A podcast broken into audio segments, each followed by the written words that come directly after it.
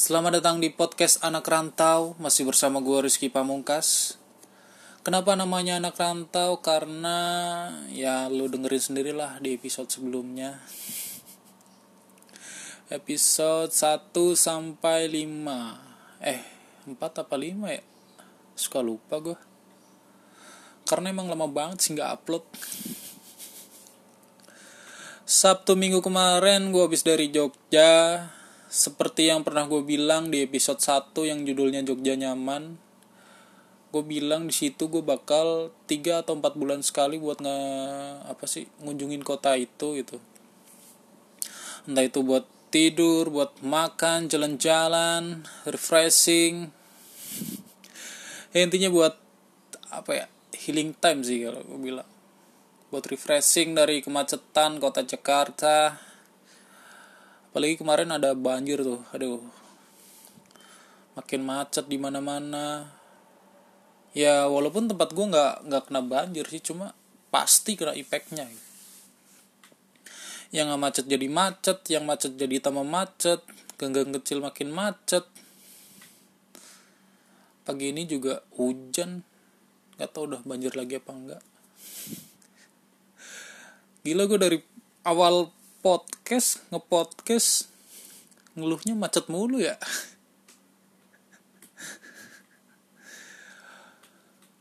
Oke gue berangkat Kamis malam dari stasiun Senen sampai Jogja Jumat pagi.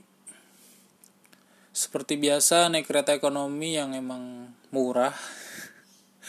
Yang kursinya tegak lurus 90 derajat berangkat bareng cewek gue sama saudaranya terus sampai di Jogja dijemput langsung ke daerah Kaliurang atas.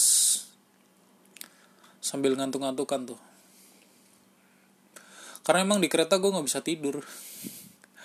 Ada bocah nangis-nangis terus muntah-muntah. Aduh kasihan banget liatnya gue pas gue cek kepalanya kepala si bocah itu dikasih koyo coba. Udah kayak orang tua mau ketawa tapi kasihan cuma ya ngelihatnya lucu gitu. Si bocah dikasih koyo. Terus sampai di Kaliurang gue diajak ke pesantren daerah Godean buat jenguk saudara cewek gue anaknya masih kecil udah masuk pesantren kan. Jadi kalau gue denger ceritanya dulu dia tuh sebelum masuk pesantren aja udah hafal tujuh tujuh jus atau berapa gitu lah gue lupa. Nah lu bayangin ini sekarang udah masuk pesantren udah lumayan lama. Kayaknya udah apal semua kali ya. Keren sih keren. Gue aja yang udah gede gini nggak apal-apal gitu. Satu apa sih semua jus gitu. Ini dia dari kecil udah dimasukin pesantren udah luar biasa lah. Terus ceritanya kalau di pesantren tuh nggak boleh bawa HP jadi kalau misalkan lu mau lu di pesantren lu mau telepon keluarga lu atau saudara lu gitu harus lewat HP-nya si gurunya. Eh guru atau ustad? Ya ustad atau ustajahnya lah gitu. Gitu. Akhirnya terus ada yang inisiatif kan pas jenguk itu buat video call orang tua si bocah ini yang kita jenguk si saudara cewek gua buat video call orang tuanya di kampung kan. Karena kalau ya gitu emang kalau pesantren kan udah nggak boleh bawa HP jauh dari orang tua gitu kan. Terus anaknya ditaruh di pondok pesantren biar fokus juga kan belajar agama di sana. Dengan harapan nanti pas lulus dari situ jadi pribadi yang baik gitu. Tapi tergantung juga sih baik atau enggaknya kan tergantung ya dari anaknya. Gua gua dulu pernah punya temen juga sih lulusan dari pondok gitu tapi kelakuannya ya sama aja ya nggak bukan sama sih. Apa ya dibilang nggak mencerminkan kayak anak pesantren gitu. Jadi balik lagi ke individunya sama ke lingkungan setelah dia lulus dari pesantren itu juga sih. Cuma ya setidaknya ya keluar dari situ udah dapat bekal ilmu buat kehidupan dia sih. Jadi pas video call pas gue lihat terharu sih. Ngelihat dia mau nangis yang akhirnya bisa ngobrol tatap layar bareng orang tuanya gitu kan. Setelah sekian lama. Walaupun katanya kalau anak yang dimasukin pondok itu nggak boleh sering-sering sih dijeng atau ya di video call gini lah nggak boleh sering-sering tahu ya mungkin karena emang biar dia terbiasa atau mungkin karena abis dijenguk itu dia bakal sedih sih ditinggal kerabatnya lagi gitu kan. Ya gitulah pokoknya. Habis itu gue langsung ke daerah Kaliurang atas dari Godean tuh Godean di bawah terus gue ke Kaliurang atas di kilometer 20 emang udah ada rencana buat lavatur. Yang belum tahu kalau lavatur tuh kita naik jeep ke daerah Kaliurang atas ke kali adem dekat merapi di situ. Terus ya di situlah ada wisata-wisata gitu terus ada museumnya juga. Kalau gue sih udah tiga kali sih ikut lavatur. Jadi kayaknya udah biasa aja ngeliatin rute-rute yang di sana gitu. Udah nggak kaget gue habis ini ke sini habis ini ke sini gitu. Terus penjelasan si driver jeepnya atau gate nya ini udah udah apa ya bisa dibilang udah apalah. Dia ngejelasin dulu ada peristiwa ini di sini terus ini korbannya di sini dulu ini di sini ada rumah gitu gitulah udah tahu gua. Tapi buat orang yang belum pernah sih harusnya seru sih itu naik jeep ke pegunungan gitu kan apalagi dengar ceritanya si guide-nya ini gitu kan. Gitu. Tadinya gue pengen ngambil yang paket yang agak mahalan dikit yang destinasinya itu yang apa ya yang beda sih sama yang gue pernah alamin yang pernah gue apa kunjungin gitu. Ternyata pas sampai sana kesorean gitu jadi ya dapatnya paket yang sama lagi yang kayak gue udah pernah lagi gitu yang gue udah pernah sebelumnya. Tuh ke kali adem terus batu alien terus ke museum ini sama ke kali kuning yang buat basah-basahan jeep.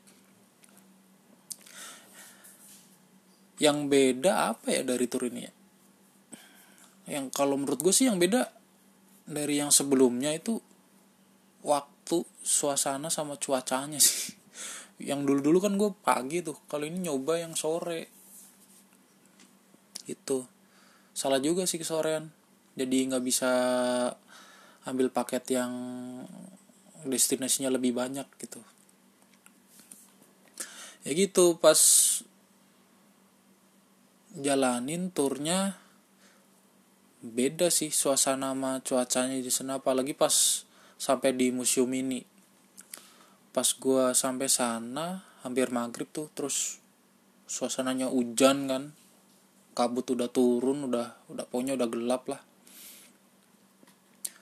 Terus baju celana udah basah kena pinggiran jeep. Habis itu lampu di museumnya pas lagi mati gitu. Nggak tahu mati apa nggak tahu saklarnya ada di mana terus si guide-nya ini si driver jeepnya cerita kan ngejelasin foto-foto sama barang yang ada di museum ini itu kan. Pakai sensor seadanya. Jadi di situ berasa apa ya? Berasa dapat banget sih suasananya. Kayak ada mistis-mistisnya gitu. Terus gue juga di sana yang diem aja gitu dengerin penjelasan gak berani bercanda gak berani ngomong sembarangan di tempat itu gitu. Karena emang suasananya juga lagi kayak gitu kan ya kita pun juga di tempat apa pun juga nggak boleh sih ngomong sembarangan kan. Apa ya kalau gue bilang sih suasananya sakral. Apa ya? Bukan sakral sih. Intinya mistis campur kayak ya lu bayangin sendiri lah gimana yang tadi gue cerita tadi. Kalau lu penasaran cobain sendiri juga ke sini eh ke lavatur pas hujan pas mau maghrib terus kabut udah pada turun kondisi gelap lampu museumnya mati. Terus pas di museum ini ada penjelasan yang menarik sih yang belum gue tahu tentang Mbah Marijan yang katanya orang-orang kadang salah informasi tentang itu gitu jadi ceritanya tuh saat terjadi erupsi tanggal 5 November 2010, beliau Mbah Marijan gak pengen dievakuasi kan. Karena emang menurut kabarnya beliau masih terikat sumpah dengan Sri Sultan Hamengkubuwono IX. Tolong kalau gue salah dikoreksi ya. kalau ceritanya akhirnya beliau bertahan di kediamannya di sana. Jadi apa ya? Dia nggak mau apa sih? Kalau di istilah kerjanya tuh nggak mau resign dulu lah sebelum sebelum di handover atau sebelum sebelum apa ya?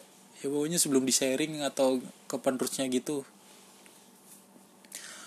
Nah kalau ceritanya jadi setelah peristiwa itu Muhammad Rijan ditemukan meninggal dalam kondisi sujud menghadap ke selatan. Yang orang-orang tahu itu bilangnya menghadap ke arah kiblat. Gitu. Jadi ceritanya orangnya orang pada umumnya tahu gitu. Cuman ternyata pas gue denger dari driver jeepnya ini dia beliau sujudnya ngadep ke arah selatan. Ternyata setelah ditelusuri ngadepnya itu ke arah keraton gitu. Dia sujud ke arah keraton. Keraton yang ceritanya dia menandakan bahwa tugas beliau itu udah selesai gitu. Tugas beliau jadi juru kunci Gunung Merapi itu sudah selesai gitu ceritanya. Akhirnya jabatan ini eh bukan jabatan sih apa ya nyebutnya ya? Hmm, tanggung jawab sih tanggung jawab ini diturunin ke anaknya yang ketiga anak laki-laki yang ketiga tuh gue lupa namanya pak siapa gitu. Ya ntar lu cari aja dah di google. Gitu ceritanya. Habis dari situ gue terus lanjut perjalanan. Udah mau azan tuh terus kita main air di kali kuning. Sebenarnya antara takut nggak takut sih karena kan posisinya hujan takutnya ada air bah dari atas gitu kan. Terus jeepnya tenggelam. Soalnya katanya dulu ada peristiwa gitu juga kan yang entah truk apa jeep gitu nggak waktu di situ hanyut gitu. Untung nggak tahu orangnya selamat apa enggak gitu gitu takutnya itu diceritainnya gitu sama si drivernya. Tapi ngelihat kondisinya cukup aman jadi kita main air di kali kuning terus jeepnya diceburin sampai airnya muncrat muncrat gitu kan cuma berapa putaran doang di situ karena emang takut tadi. Akhirnya terus kita balik ke base camp kan. Itu abis itu sholat eh nggak sholat sholat sholatnya di rumah sih. Habis itu pulang gue sakit perut nahan-nahan karena dari pagi kan belum buang buang isi perut gitu. Di jeep juga mau kentut nggak enak gue tahan takut aromanya ke mana-mana kan. Jadi pas di perjalanan gue mampir di Indomaret gitu buat buang. Habis buang enteng aja badan. Kayak apa ya? Kalau dibilang tur lagi ayo gue masih sanggup gue itu pulang sholat malamnya nggak ngapa-ngapain sih. Malah nggak ketemu teman-teman gue juga di sana teman-teman dulu zaman kuliah zaman main di Jogja. Padahal dengan waktu yang sesingkat itu gue pengen sih ketemu semuanya kan. Ketemu teman sama saudara yang ada di sana. Tapi ternyata kurang waktunya. Terlah coba di perjalanan Jogja berikutnya mungkin bisa ketemu hari berikutnya gue pagi ke acara wisuda wisuda adanya cewek gue terus makan-makan cerita-cerita hahaha foto-foto. Habis itu gue pulang istirahat besoknya gue baru balik ke Jakarta.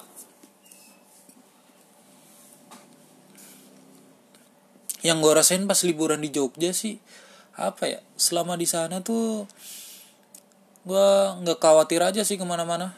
Slow gitu tenang walaupun jalan ya jalan sendiri gitu di sini ke mana. Tenang aja gitu.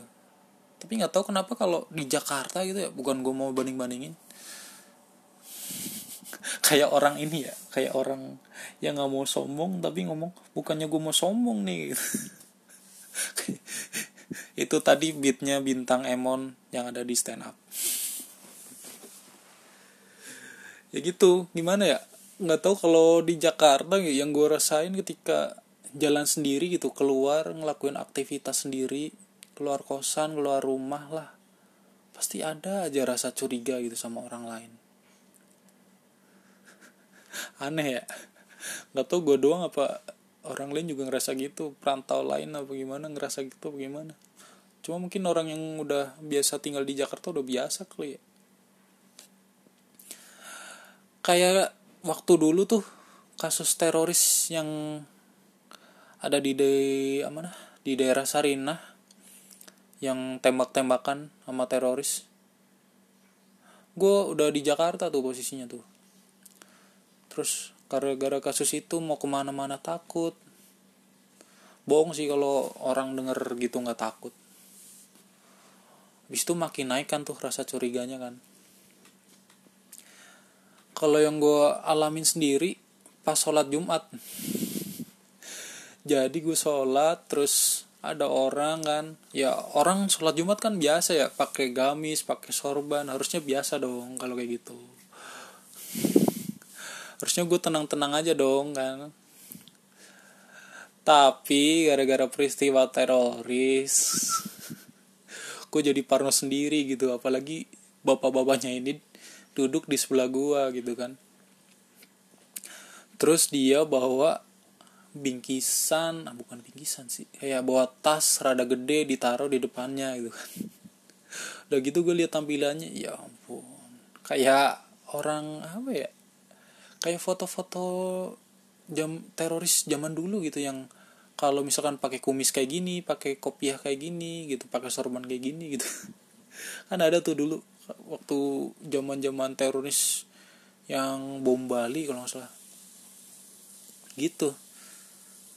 Terus bayang gue anjir ini kalau meledak gimana? Ya lo udah pasrah gue itu. Mau mundur ke belakang udah penuh softnya. Meledak meledak dah. Udah pasrah gue ya alhamdulillahnya nggak meledak. Gila kan sampai segitunya loh rasa curiga gue ke orang lain di kota ini gitu. Terus sekarang lagi heboh-hebohnya virus corona kan masuk ke Indonesia. Makin males gue keluar kamar ya keluar kantor terus makin males juga ke keramaian makin curiga juga sama orang gue apalagi orang yang nggak pakai masker aduh. Malam niatnya mau jogging kayak biasa kan tiap malam gue jogging. Ini jadi parno sendiri gara-gara virus corona apalagi di GBK kan pasti rame kan orang. Ya gitu. Apalagi yang di berita tuh kan baru ketahuan dua kan nggak tahu sih sekarang berapa. Yang gue denger sih dua. Itu aja udah berapa lama tuh dari pertama kali diumumin di Cina kan. Jangan-jangan kan selain dua itu ada lagi kan yang yang belum ketahuan gitu. Ya gitulah. Udah gitu masker masker aduh. Ini buat pedagang masker kenapa ditingkatin sih harganya ada yang nimbun juga. Aduh mampus lu diciduk sama polisi lu. Aneh sih sama orang-orang di sini gue ada penyakit gini gitu. Ada aja yang manfaatin buat naikin harga. Bukannya dibantu karena ada virus kan. Yuk kita cegah nih bareng-bareng lawan virus ini bersama gitu kan. Aneh gitu. Emang gitu sih kayaknya kalau emang orientasinya cuma duit terus penglihatan gue masih banyak juga orang yang belum pakai masker. Nggak tau nyepelein apa gimana? Apa emang nggak mau beli karena mahal? Atau juga ya. Dulu kayaknya di Cina juga banyak orang yang yang apa yang nggak pakai masker gitu gara-gara mungkin nyepelin juga. Akhirnya lama kelamaan banyak yang kena. Jadi orang-orang panik. Mungkin di sini juga sama kali kejadiannya kayak di situ awal-awal awalnya nyepelein gitu. Ah cuma dua cuma tiga cuma lima gitu. Misal ya. Nanti nunggu banyak yang kena tuh. Baru dulu panik nyari-nyari masker. Aneh kan? Dah segitu aja episode kali ini. Yang mau kirim-kirim email bisa ke rizkyanakranto at gmail.com masih belum ada yang ngirim. Sekian episode kali ini gue Rizky Pamungkas pamit